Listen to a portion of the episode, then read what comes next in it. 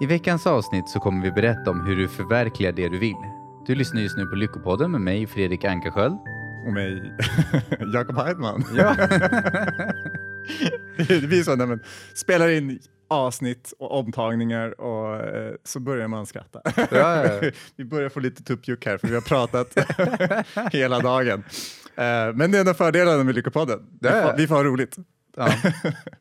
Ehm, ja, vad, vi skulle prata om hur du förverkligar det, det man vill, vill Mm. förverkliga. Eh, och ibland så eh, vill man ju saker, men man når inte riktigt dit. Eh, man lyckas inte. Ehm, har du någonting som du kommer på, som du, skulle, som du har, liksom har inte lyckats förverkliga, men sen så äh, pushar du igenom och lyckades? ja, men jag kommer ju att tänka på när jag träffade min nuvarande flickvän. Då är det ju nervöst och pirrigt och du vet, Mm. eh, det är ju någonting man verkligen vill men samtidigt så finns det ju en rädsla av att vad händer om jag avslöjar mina känslor och vågar visa mig sårbar här nu, vad händer då? Mm. Som tur var så ordnade det sig. Men... Och där kan vi ta ett sånt exempel att ibland kan det ju vara att vi verkligen, verkligen har en person som vi skulle vilja vara med. Men vi är så livrädda att våga bjuda ut den personen att vi kanske missar chansen. Mm. Det finns ju fler människor, men ibland så är det så att om det är någon du verkligen, verkligen vill vara med, att undersöka vad är det för rädslor som hindrar en från att våga vara med den personen, eller åtminstone testa. Mm. Mm. Jag, jag har ju något liknande, men jag har ju haft eh, suttit eh, hemma och så eh, meddelar polaren bara hej, kom över, det blir kul, vi spelar lite tv-spel med de här grabbarna och sen så får vi se vad som händer. Um, och så har jag så här, åh vad kul, för jag vet ju att de är ju helt underbara allihopa. Det är, vi kommer skratta, vi kommer ha roligt, vi kommer prata om goda minnen. Det kommer vara en helt skön kväll. Men det har varit flera gånger som jag har bara, nej, jag har, tycker också om att sitta här hemma. För det är skönt. Ja, det är varmt, det är kallt där ute och det är jobbigt. Ska cykla bort dit och så säger de bara, ja men vi kommer och hämtar dig med bilen. Och så bara, nej, det är ändå en. nej, nej, det, nej, men jag sitter hemma ändå. För det är skönt och jag vill sitta framför datorn och bara kolla på film eller någonting sånt där. Så jag har ju två stycken positiva intentioner, eller två stycken positiva saker som jag ändå vill göra. Och eh, jag kom ju på mig själv att jag eh, gjorde det en gång, två gånger, tre gånger och fler, alltså flera gånger. Och jag vill ju faktiskt vara med mina vänner. För jag vet att i slutändan är det roligare. Det blir, ger mera, det ger mer tillfredsställelse, det ger mer gemenskap, det ger en, ett minne um, och godheter som inte att sitta ensam hemma är. Så jag lyckades alltså, mentalt pusha mig igenom, gjort det flera gånger, så pusha igenom den här eh, ena bekvämlighets positiva intentionen och pusha mig igenom till den som långvariga eh, positiva eh, händelsen, viljan. Mm. Ehm, och jag, jag har ju haft magproblem en hel del, så jag har suttit hemma många gånger och sen så fastnar man där hemma och vänjer sig lätt att sitta hemma och inte kunna ta sig ut bland vänner eller eh, för att man är fysiskt fast, så man, har, kanske har, man är dålig i magen och så kan man inte komma ut och sen så ja, är man fast där och så vänjer man sig vid det. Och det kan bli en, en dålig vana. Om, eller, ja, ja, jag kan tycka att det kan vara en dålig vana i alla fall. Mm.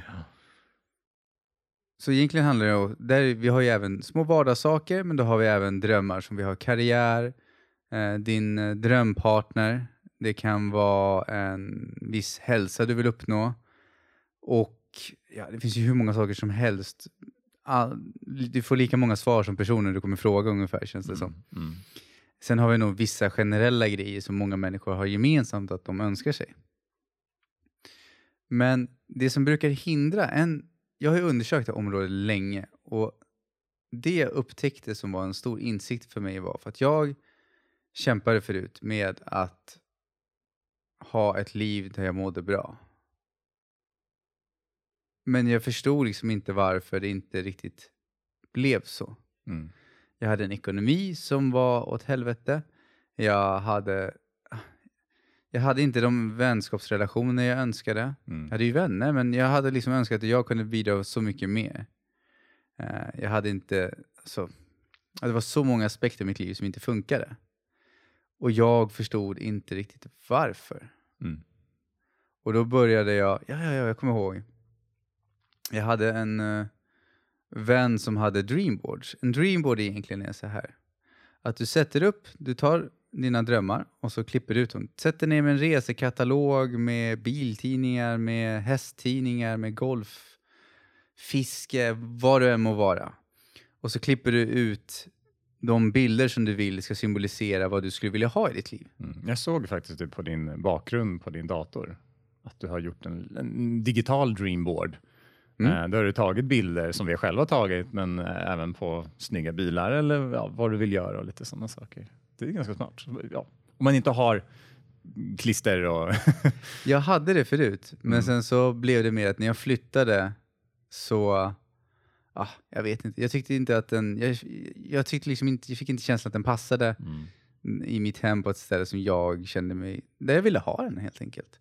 Så det jag valde var är att jag har en dreamboard på datorn och jag har en i telefonen. Mm. Så att, och då i, finns det liksom med, ja men, vad skulle jag vilja göra med min flickvän? Eh, jag, kan, jag skulle rekommendera, jag kan, man kan ju hålla dem privata, men jag kan ju nämna vad jag har på min då. Mm. Uh, ska vi se här. Jag kan ju benämna vad jag har på min också. Ja, Mm. jag kan ju nämna några av grejerna då som jag har på telefonen. Ena är en tavla, det är ett pris inom försäljning som man har när man är duktig på försäljning online. Mm. Och det priset för mig symboliserar att jag har lyckats, alltså varit tydligt med mitt budskap och jag har kunnat hjälpa många människor med att skapa varaktiga manifesteringar i deras liv.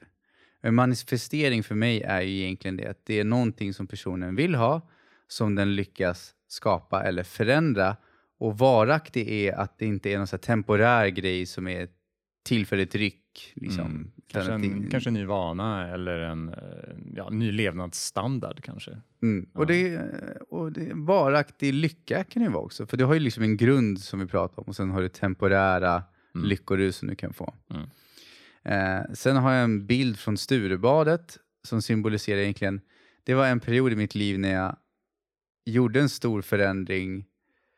Det, alltså den bilden symboliserar för mig en tid där, så det är egentligen en gammal grej, den har inte med framtiden att göra, men den påminner mig om mål jag hade kring det som var för mig då helt overkliga. Hur jag skulle kunna leva och må idag var liksom, det fanns inte ens på den tiden. Då. Mm. Men jag lyckades på relativt, alltså för mig vad jag upplevde då var kort tid, förverkliga det. Så det är liksom en påminnelse för mig att även om du inte har en susning hur det ska gå till, du, liksom, om du tittar på det resultat, vad de verktygen har, den kunskapen du har idag, så är det så här, jag har ingen aning. Mm. Så kan det fortfarande gå, det är en påminnelse för det. Mm. Sen en bild på flickvännen. Och det symboliserar liksom, ja, men allt roligt vi gör tillsammans och kommer att göra. Mm. Sen så har jag en på eh, en kropp. En, alltså min kropp, hur jag skulle vilja att den är när jag tar hand om den ännu bättre än jag gör den idag. Mm. Eh, och sen så är det ett på ett bankkort och sen en på en filmare som är väldigt skicklig på att filma och fota. Mm. Mm. Och vad har du? Eh, jag har bara text, men det var en väldigt bra text eh, som gav ändå så här att fuck yeah, känsla lite grann. Och det bara, ja men den vill jag få på framsidan av min mobil här. Uh, vi kan gå och ta upp några stycken då. Do the fucking work, don't be lazy. Uh, och nummer två då, stop fucking waiting, it's time. Uh, och nummer tre då, rely on yourself. The universe doesn't give a fuck. Uh, och så fortsätter det Um, så här, så här, uh, pepp, så här, lite hård, big, big brother, hur är du lillebrorsan, ta hand om dig, fixa det här nu för fan. Uh, och jag gillar det. Jag gillar den lite tuffa kärleken. Be fucking practical, success is not a theory. Så, eh, så jag liksom tittar på de här. får nästan censurera de här grejerna. Ja, nej, ja, eh, kanske för Youtube ja, men Ja. eh, ja. det, det får väl bip, bip. Ja, jag, jag gillar att svära, det är min, min, min stil lite grann. Och så, Eh, och så, så nummer nio, här, stop bullshitting. Um, it's fucking embarrassing. Så att man liksom peppar sig själv. Bara, "Åh, Okej. Eh, och det här, det, detta får ju mig på lite bättre humör av att säga okej, vad fan, ja, jag kan faktiskt eh, göra det här nu. Jag får liksom, jag är trött nu, men pushar mig igenom den tröttheten så är jag pigg sen om en kvart. Eh, och jag har märkt det flera gånger också. Så om jag ska få någonting gjort liksom. Mm. Mm. Ehm, det var våra... Det var våra grejer. ja. Får jag ge lite feedback på den? Mm. Eh, ett tips för dig som också lyssnar är att tänk på att det är inte alltid vi har koll på, som jag säger, så här, sluta vara dålig. Mm. Så eh, vad är det vi fokuserar på då? Alltså det, det är olika från människa till människa, vi har olika associationer till saker. Men för de flesta människor så slutar det med att vi, vi hamnar där istället. Mm.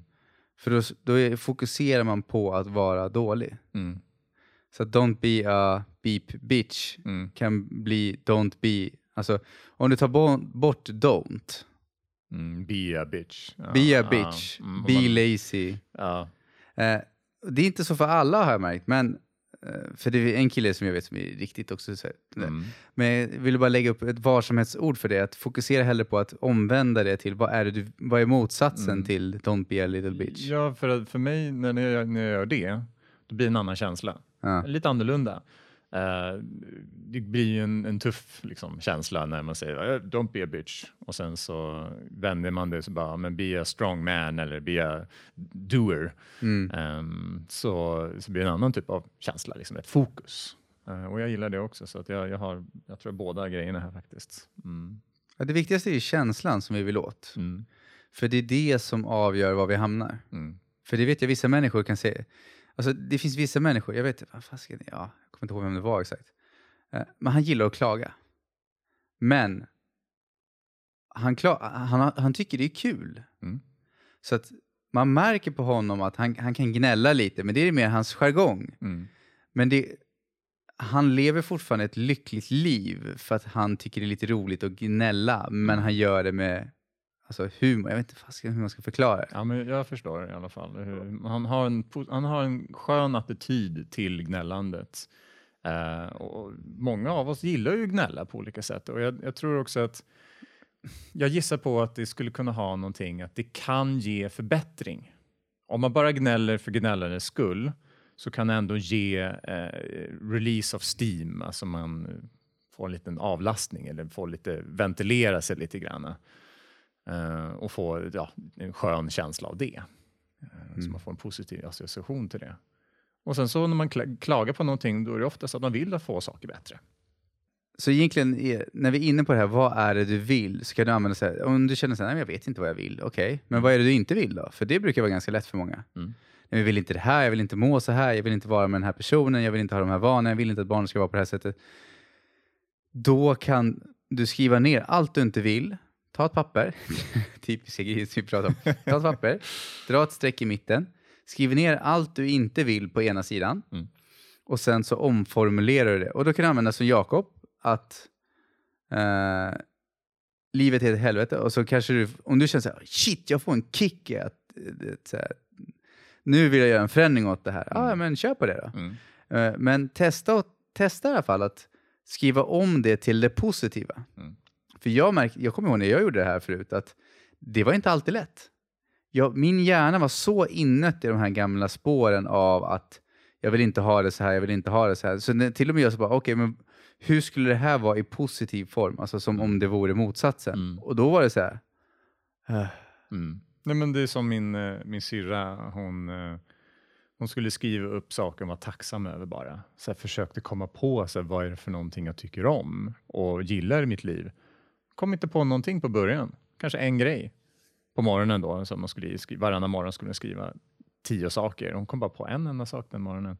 Och så nästa gång, nästa morgon bara, "Wow, kanske två grejer, all right. Till slut, dagarna gick, så kom man på så här, fler än tio grejer. Så bara, "Åh, det här gillar jag, och det här och det här. Så det är en träningssak. För det, vi, det vi gör varenda dag blir vi bra på.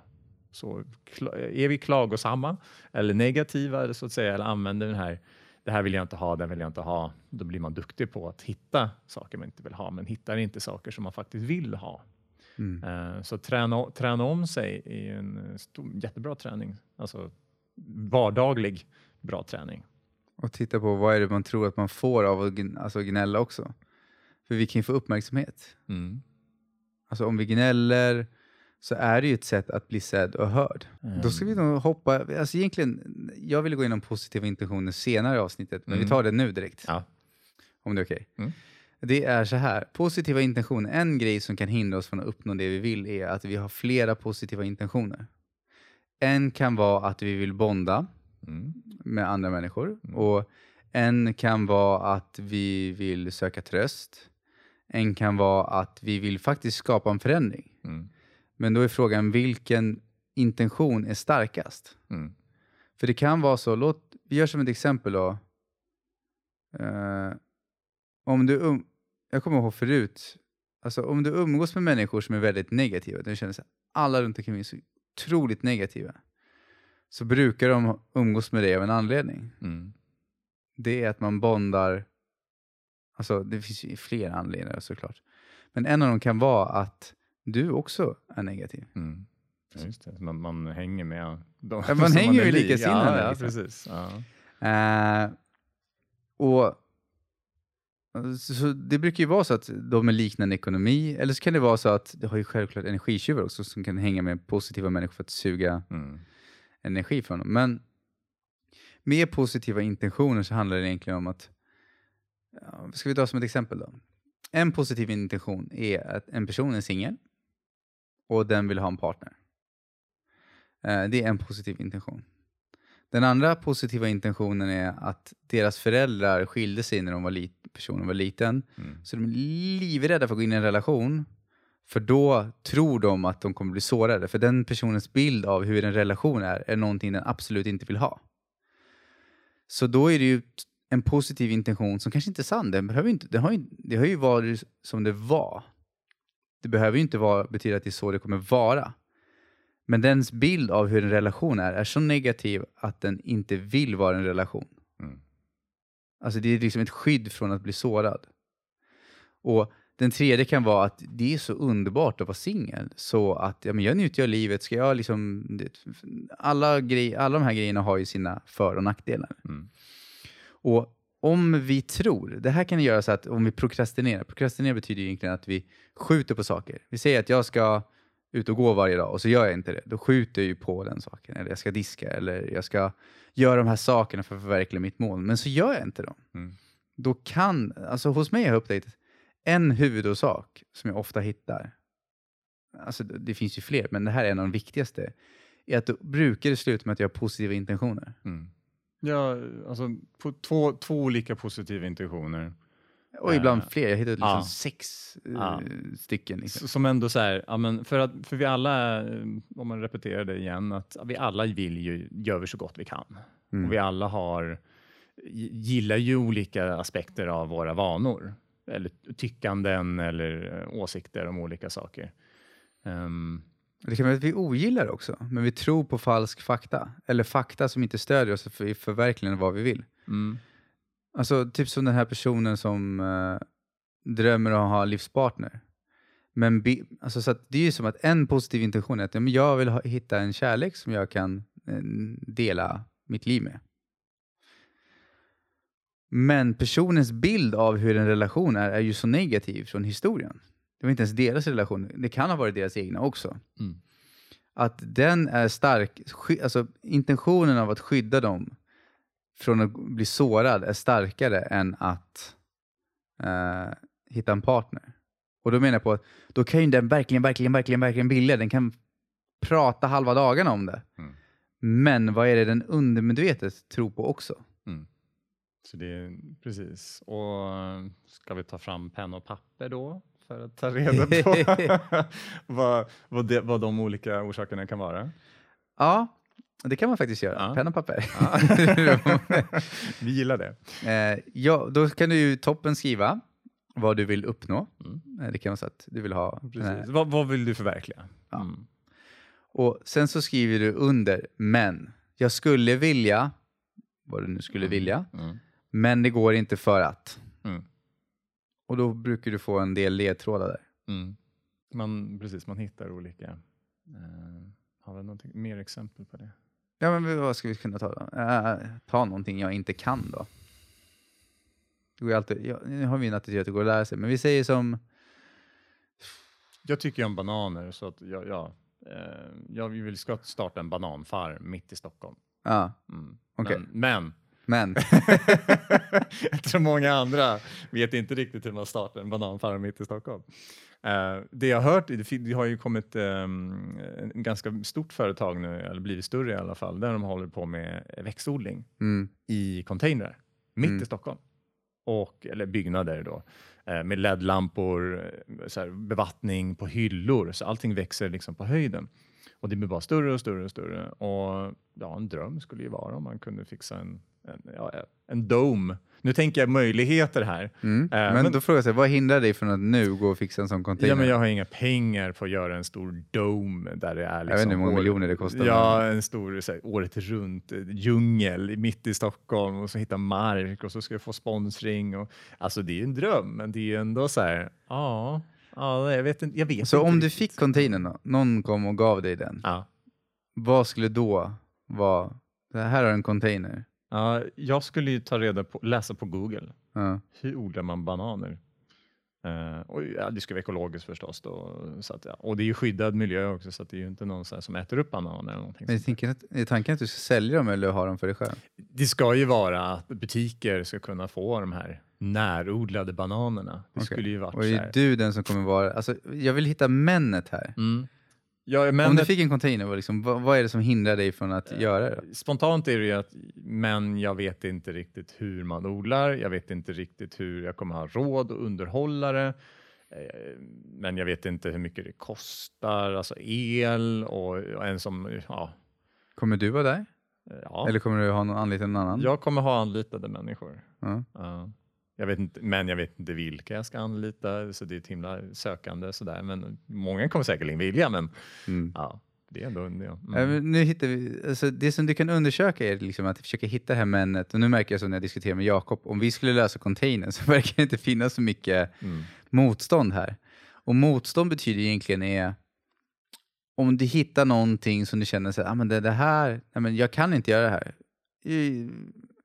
Vi- Jag vet ju att vissa föräldrar säger så här, att, nej men jag skulle vilja satsa på den här drömmen, men det går ju inte för vi har ju barn. Mm. Det, är ju en, är det en positiv, det borde ju vara en Ja, ja, positiv för- intention, för jag gillar ju att vara med mina barn och tid för dem. De älskar sina barn, Ja. det är en positiv intention. Mm. Andra positiva intentioner, de vill verkligen förverkliga den här drömmen. Mm. Och då kommer knepet till, det kan finnas flera, så du kan liksom ha två, tre, fyra, fem, sex, liksom, ja, du kan ha ganska många. Mm. Det beror på hur, jag vet inte, din attityd i området. Mm. Eh, ja, hur många positiva intentioner du har. Mm. Ehm, men så länge den här personen tror på, oj, alltså jag vet en som jag träffade ut som sa liksom att, nej men, jag önskar verkligen att jag gjorde det här. Men eh, det går ju inte, jag har ju barnen nu och och de tror att på grund av barnen kan inte de förverkliga sin dröm. Mm.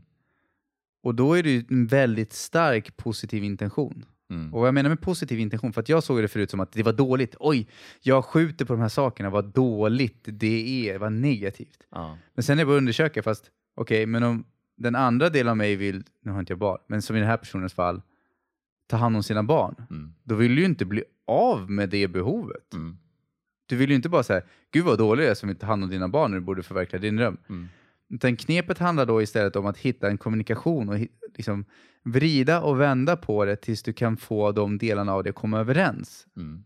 För så länge du tror att de strider mot varandra och det är två saker som är verkligen viktiga för dig så är det lätt hänt att man kör fast och bli, kan bli tokig. För att du kan, jag vet en kompis som jag, eller vi inte, vi inte kompisar nu för tiden, vi umgås inte så mycket längre, men som jag umgicks med förr. Han hade en dreamboard. Den satt liksom tydligt och stort i hans lägenhet. Och han pratade om sina drömmar precis hela tiden. Alltså det... Uh, det blev lite jobbigt nästan liksom. Ja. Men det som blev att han gjorde ju inte så mycket för dem. Nej. Och han kämpade, men det, det, han gjorde blev liksom inget, det blev liksom inte riktigt bra. Det är ungefär som att sitta hemma och ha det skönt istället för att gå hem till kompisarna för att det är kallt ute och det är ruggigt. Eh, så så hade han någon annan starkare positiv intention. Någonting positivt i sitt liv som, han, som gjorde så att han inte hamnade där i sina drömmar. Ja, och i hans fall så var det ju ett behov av att han kunde inte lyssna. Han pratade konstant, precis hela tiden. Ja.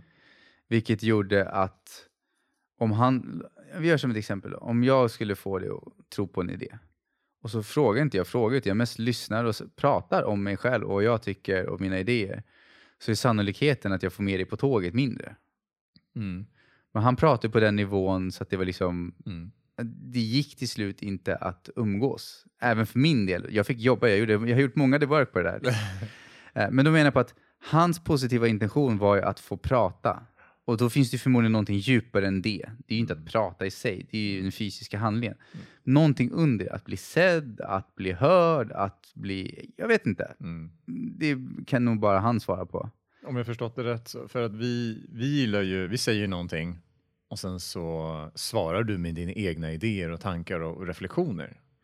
Så det var ungefär, det, det du tror att han, eh, han, han, kunde inte, han tog inte emot reflektioner från andra människor för att han bara pratade själv alltså. Du hann inte alltid... Alltså du hann ibland säga saker, men ja, han tog inte emot reflektionerna så ofta. Nej. Och det var inte alltid du hann komma med dem heller. Nej.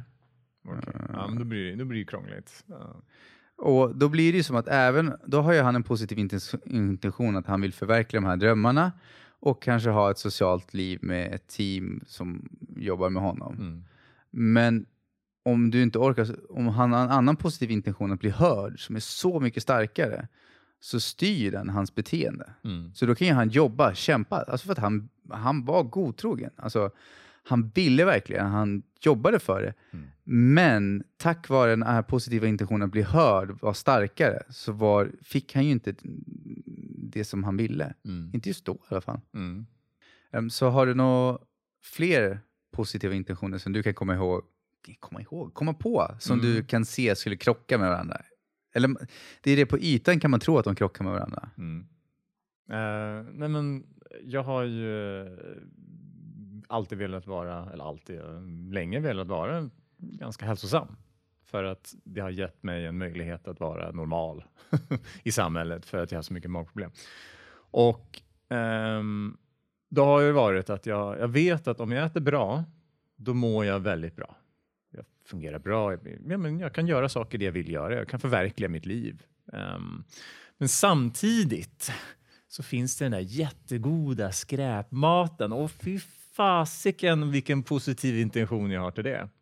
Eh, jag har liksom hamnat i situationer där jag har ätit jättehälsosamt och så har jag bara vräkt i mig varenda dag, varenda mål. Jag har betalat hur mycket som helst. Till, det var till och med så att jag hade eh, beställt pizza så länge, i, jag vet inte, flera månader, varenda dag. Ja. Till att när jag inte hade ringt på ett tag så kom han sen, eh, var någon period på två veckor ut när jag beställde någon pizza så bara öppnade jag dörren och bara hej hej hur- mår du, är allting bra? och jag bara okej, jag tror det har gått lite långt nu Ja. eh, hur mycket skräpmat jag kan äta. när pizzabagaren frågar hur jag mår. Ja, det inte det det Ja precis, bara, varför handlar du inte? Ehm, och då, då, hamnar jag liksom i den här eh, sitsen av att okej, det finns så starka positiva känslor och intentioner med att äta skräpmat, men samtidigt så måste jag faktiskt äta hälsosamt för att fungera i längden alltså. Mm. Eh, och vara frisk i längden och fungera, ja, ja, vara med kompisar och skapa det liv jag vill ha. Vad var det som gjorde att du började äta mer hälsosamt igen då? Det var ju, oftast har det varit att jag hamnat så långt ner i skiten att det verkligen har blivit fruktansvärt jobbigt. Eh, och sen har det varit också att jag har gjort mig själv medveten. Det är en väldigt bra teknik som jag använder som ofta jag bara kan. Jag Försöker väcka mig själv hela tiden och tänka vad är det för någonting jag håller på med? Okej, och så när jag väl gör de här, beställer pizzor, äter pizzor eller sticker iväg och köper godis och sådana saker, att jag är medveten om det. Och då blir det lättare nästa gång att faktiskt se på mig själv. Det är som att sätta en spegel framför mig själv och se mig själv när jag äter den här pizzan. Det är så här, eh, jaha Jakob, det här, det här ser ju inte så fräscht ut. och efter kanske fem gånger eller tio gånger så kan jag släppa det. Och det, blir som en, det blir inget tvingande. Det blir som en så här insikt och en avslappnad övergång till att okej, okay, mm, jag kan faktiskt övergå till att äta mer hälsosam mat igen för att det, det är det jag vill. Um, jag, kan, jag kan få se den här andra positiva delen av som en starkare kraft mm. uh, i mitt liv och att jag faktiskt ser det som någonting, ja, men det, det är någonting lättare att göra nu. För jag ser den här skräpmatslivet som en ja, skadligt eller det, det, är inte, det, är inte, det är inte gynnsamt i längden för mig. Äter du fortfarande så ohälsosamt eller äter du nyttigt nu? Nu äter jag nyttigt. Ja. Så jag har ju, eh, och jag vet ju att eh, jag har ju också en, en kunskap och vetskap att eh, äter jag, det tar ungefär en, en tre månader innan allt behov av skräpmat är borta. Mm.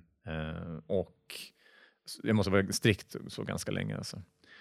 Och, eh, och jag har ju den eh, ja, förståelsen och kapaciteten att switcha om ganska snabbt också, för jag har gjort det så många gånger, till bra hälsosam kost. Och då tänker jag här, här har vi positiva intentioner som vi är inne på.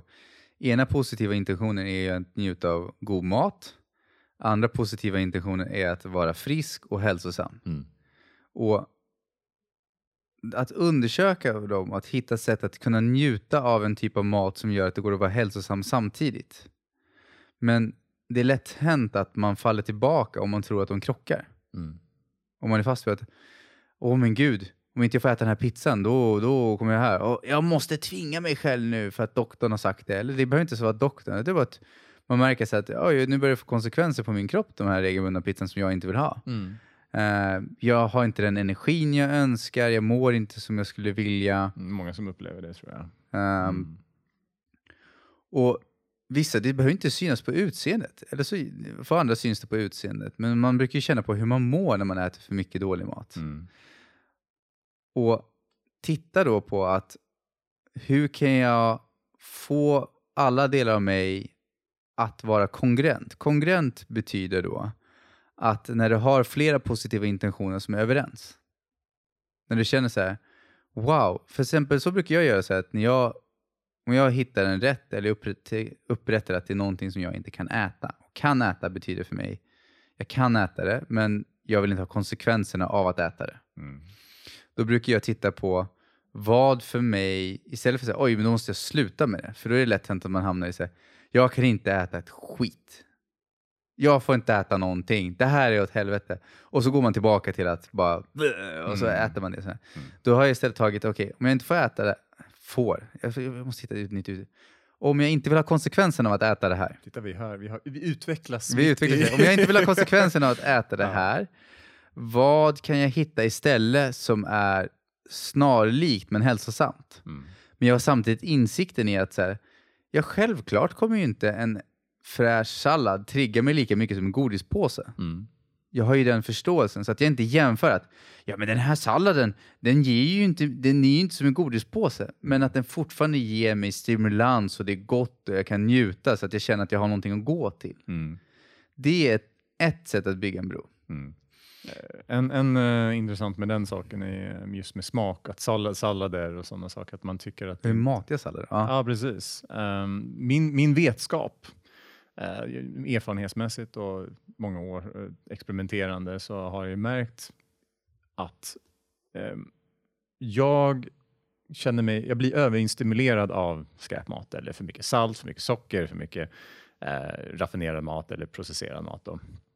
Och mina smaklökar vänjer sig vid det. Och um, då har man, eh, om man går då övergår till sallad, då kommer det smaka så lite. Det kommer inte kännas någonting. Men jag vet, om jag fortsätter äta den här salladen, då kommer den här smaka ungefär lika mycket som en hamburgare eller skräpmat. För, jag, för jag, man kan uppleva smakerna på ett helt annorlunda sätt. Men det tar ett tag och jag vet det. Jag måste bara hålla ut, eller måste bara leva, göra så god mat som möjligt på vägen. Uh, för jag vet att i slutändan kommer jag verkligen, verkligen tycka om min mat. Mm. Uh, så det, det är en sån långsiktiga förhållanden. Det där kan jag tipsa om och alltså rekommendera starkt. För jag kommer ihåg när du hjälpte mig med det. Mm. För jag kommer ihåg när jag började äta mer nyttigt för flera år sedan. Då hade jag det i åtanke att okej, okay, det smakar inte så mycket just nu, men det kommer snart smaka. Ja. Det andra grejen också var att jag, det var likadant med maten. Jag hade ju en felaktig vet, precis som vi nämnde förut, att du kan ha en felaktig bild av vad en relation är. Men det är det du känner till, så du har liksom inte så mycket annat. Liksom, du har en önskan om hur du skulle vilja att det var, men du tror mer på hur det, det du har sett. Mm. Och så hade jag med salladen, för jag bara, men jag tycker inte om sallad. Så var jag en gång i tiden. Jag tycker om cigaretter, Red Bull och Snickers. Det var liksom... Eh, det var perfekt vid Stockholm Östra när jag bodde i Näsby Park att handla en hamburgare på vägen hem i kiosken. Liksom. Hur äter du idag då? Äter du bra? Jag Har slutat med cigaretterna, Snickers och... Eh, Ja, eh, ja.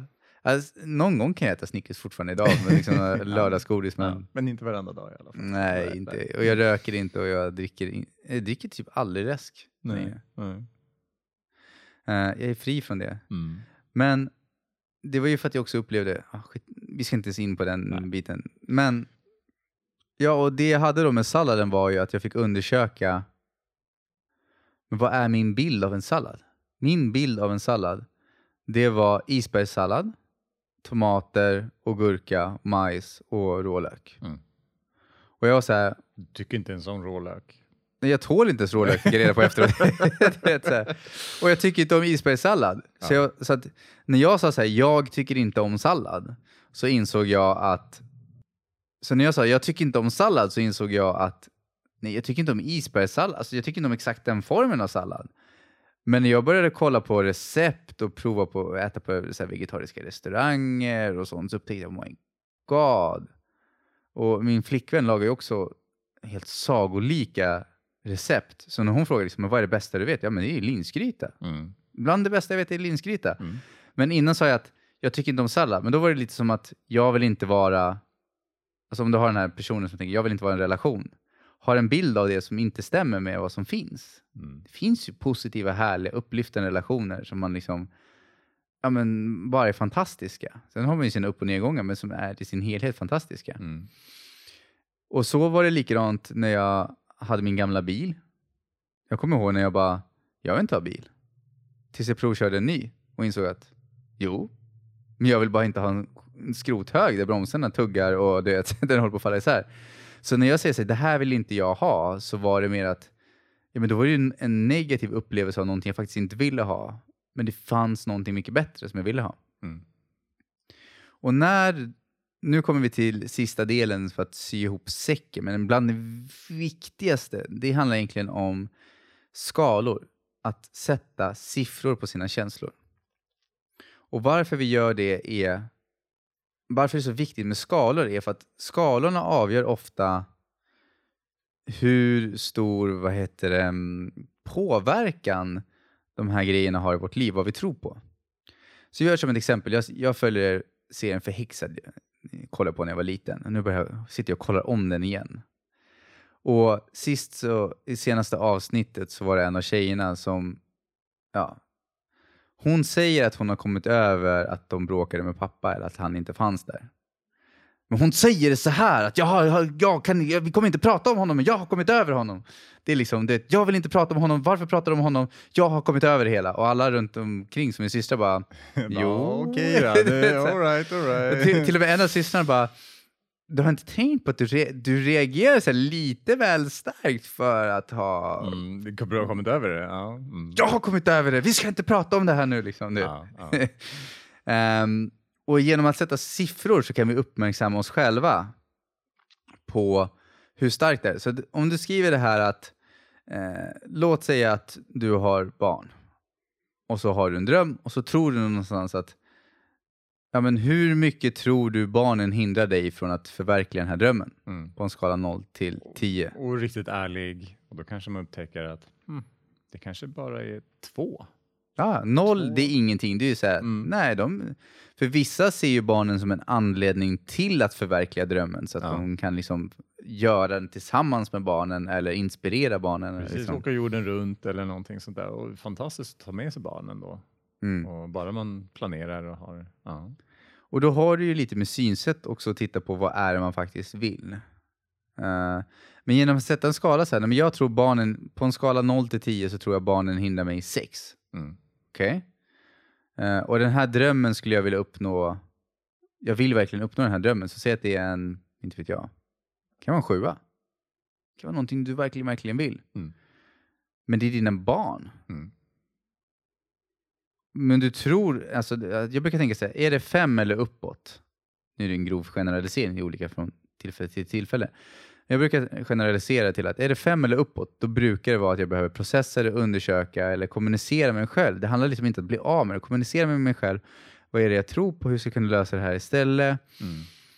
För att hitta en lösning som gör att, ja men klart som sjuttsingen någon kommer prokrastinera på det. Om de älskar sina barn och de tror att på en skala 0 till 10, 6, att jag kommer inte kunna umgås med barnen, jag kommer inte ha tid med dem, jag kommer behöva liksom, ja, jag kommer inte ha lika bra kontakt med dem, vad det nu må vara. Det är klart som sjuttsingen man kommer prokrastinera och skjuta på sakerna Mm. och tänka så här, nej men inte nu, inte nu. Prioritera in någonting helt annat. Mm. Eller så kan det vara att man håller sig sysselsatt som man verkligen vill, Mm. Men man håller sig sysselsatt så man inte hinner förverkliga sin dröm. Ja, det är så mycket nu. Det kan vara att man omedvetet försöker stoppa sig själv faktiskt. Mm. Okej, som en eh, sammanfattning då. Vad har vi för olika punkter här då? Det är egentligen tänka på så här att det är skillnad på önsketänkande och vad man faktiskt tror på. Vad du förväntar dig. Vad är det för skillnad mellan önsketänkande och tror du? Ja, men önsketänkande är ju att det, det, det kommer på skala med känslan. Känner du att det här är sant, det här, det är klart det kommer gå. Mm. så är ju det, det alltså jag vet inte hur man ska säga att, men för mig skulle det vara önsketänkande att kunna hoppa två meter i höjd som ett exempel. Mm. Men i mitt fall så är det så här, fast jag tror ju inte på att jag kan hoppa två meter i höjd. Nej, egentligen inte. Ja, precis. Ja. Mm. Och, och sen kommer du in på första delen som är viljan. Jag har ingen lust att lära mig det heller. Mm. Eh, och sen så, men önsketänkande är mer att vi hoppas att, låt säga att vi har, vi är i en relation just nu.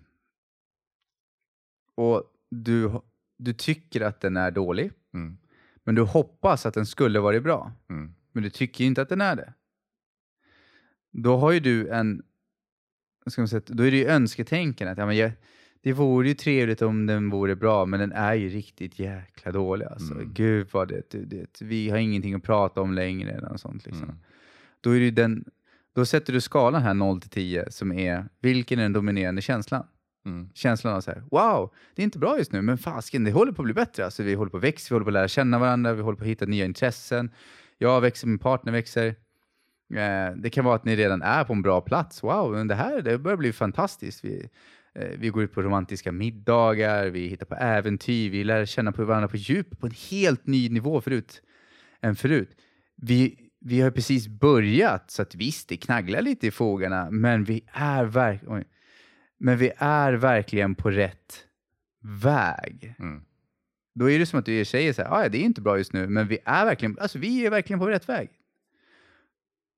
Och då sätter man eh, ett eller tio. 10 är ju då vad du vill. Mm. Är du med? Så det, det går ju lite motsatser. Så här. Så om du tar det negativa, det negativa är, det är inte negativt, det är oönskat resultat. Mm. Det oönskade resultatet är så här, låt säga att du skriver, jag skulle vilja ha en fantastisk relation med min partner. Och så skriver du på en skala 0 till 10, eh, hur mycket tror du på att det går? Mm. Och 0 är, nej jag tror inte på att det går alls. Mm. Och 10 är, så här, det är ju självklart. Precis, det är där. Alltså, Ja, det- det enda som kan hindra oss från att göra det är att jorden går under. Mm. Någon bombar Stockholm, då, Mm. liksom, då kommer... Ja, om vi inte lever längre, men då kanske vi är i himlen. Jag vet inte. men och önsketänkande är så här att man bara hoppas, men man känner, känslan är så här, det här är åt helvete. Mm. Jag har ingen aning om hur det här ska gå till. Mm. Men det som är viktigt är så här att du kan tro på att någonting går att förändra utan att veta hur. Mm. Så du kan känna så här, jag har ingen aning om hur det ska gå. Min partner bemöter inte min kärlek just nu. Men jag vet, jag vet att vi kommer hitta en lösning på det här. Mm. Då är det det sista liksom att din partner ger inte ens dig det du vill ha. Men du bara känner att jag vet att det kommer komma en lösning. Mm. Sannolikheten att ni hittar en lösning är mycket större om du känner att det är åt helvete. Det är ingen idé. Ja. Så det är lite skillnad mellan önsketänkande och vad man tror på på riktigt. Och tänk så här. Tänk om du har flera positiva intentioner som du tror på. Du tror att de strider mot varandra. Så du vill ha din dröm, du vill ha barnen, eller du vill vara smal, eller du vill vara hälsosam, eller du vill vara vältränad, eller liksom, du vill umgås mer med dina vänner, men du tror på att någonting strider mot det. Och det behöver inte ens vara sant i det. Mm. Eh, Eller så kan det vara sant, men du behöver bara hitta ett sätt att kompromissa. Jag brukar se det som att se dig själv som en förhandlare. Om ditt mål är att få de här att komma överens, inte att ena ska döda den andra. Det är det som hjälper, har alltså gjort sån stor förändring för att komma framåt. Mm. Och antingen kan man göra övningarna som man gjort nu. Man kan även gå in, alltså exempel, vi har ju i, på hypnotication.com i webbshoppen som jag och Ulrika Dahlin byggt, som, där vi har självhypnoser, så har vi Kom loss och gå vidare. Den är ju till för att ställa frågor i ett avslappnat tillstånd för att hjälpa en att, med den här förhandlingen, jag vet inte vad man ska kalla det. Liksom. Mm. Att komma i kontakt med svaren man behöver för att komma loss och gå vidare. Och ibland kan det vara ångestfri, att man får ångest för man känner sig jag vill två olika saker, jag tror så starkt att de strider mot varandra. Då kan det ju vara att man får ångest. Mm. Du får ju panik till slut, för om det är någonting som du känner, det här måste till, men det går inte. Det kan bli en extrem inre konflikt. Så därför brukar jag rekommendera liksom ångestfri och... De två där. ja. Mm. Mm. Är det någonting mer du vill lägga till innan vi avrundar? Nej, det är bra. Det är mycket att ta in. Eh, Men jag tycker det är så intressant ämne. Mm. Eh, kunna få en översikt över vad det är för någonting som kan förhindra mig från att faktiskt lyckas. Eh, och hela, ah, hela, hela min värld handlar om att göra sig så medveten som möjligt. Mm. Ja. All right. Mm. Tack så mycket Fredrik. Tack så mycket och ett stort tack till dig som eh, lyssnade. Är det så att du vill höra mer av oss så kan du prenumerera på Spotify, iTunes, YouTube om du vill se oss i bild också. Och eh, ni kan även eh, donera en liten peng på Patreon. Patreon.com slash lyckopodden. Och med det får jag tacka så mycket för idag. Mm, tack.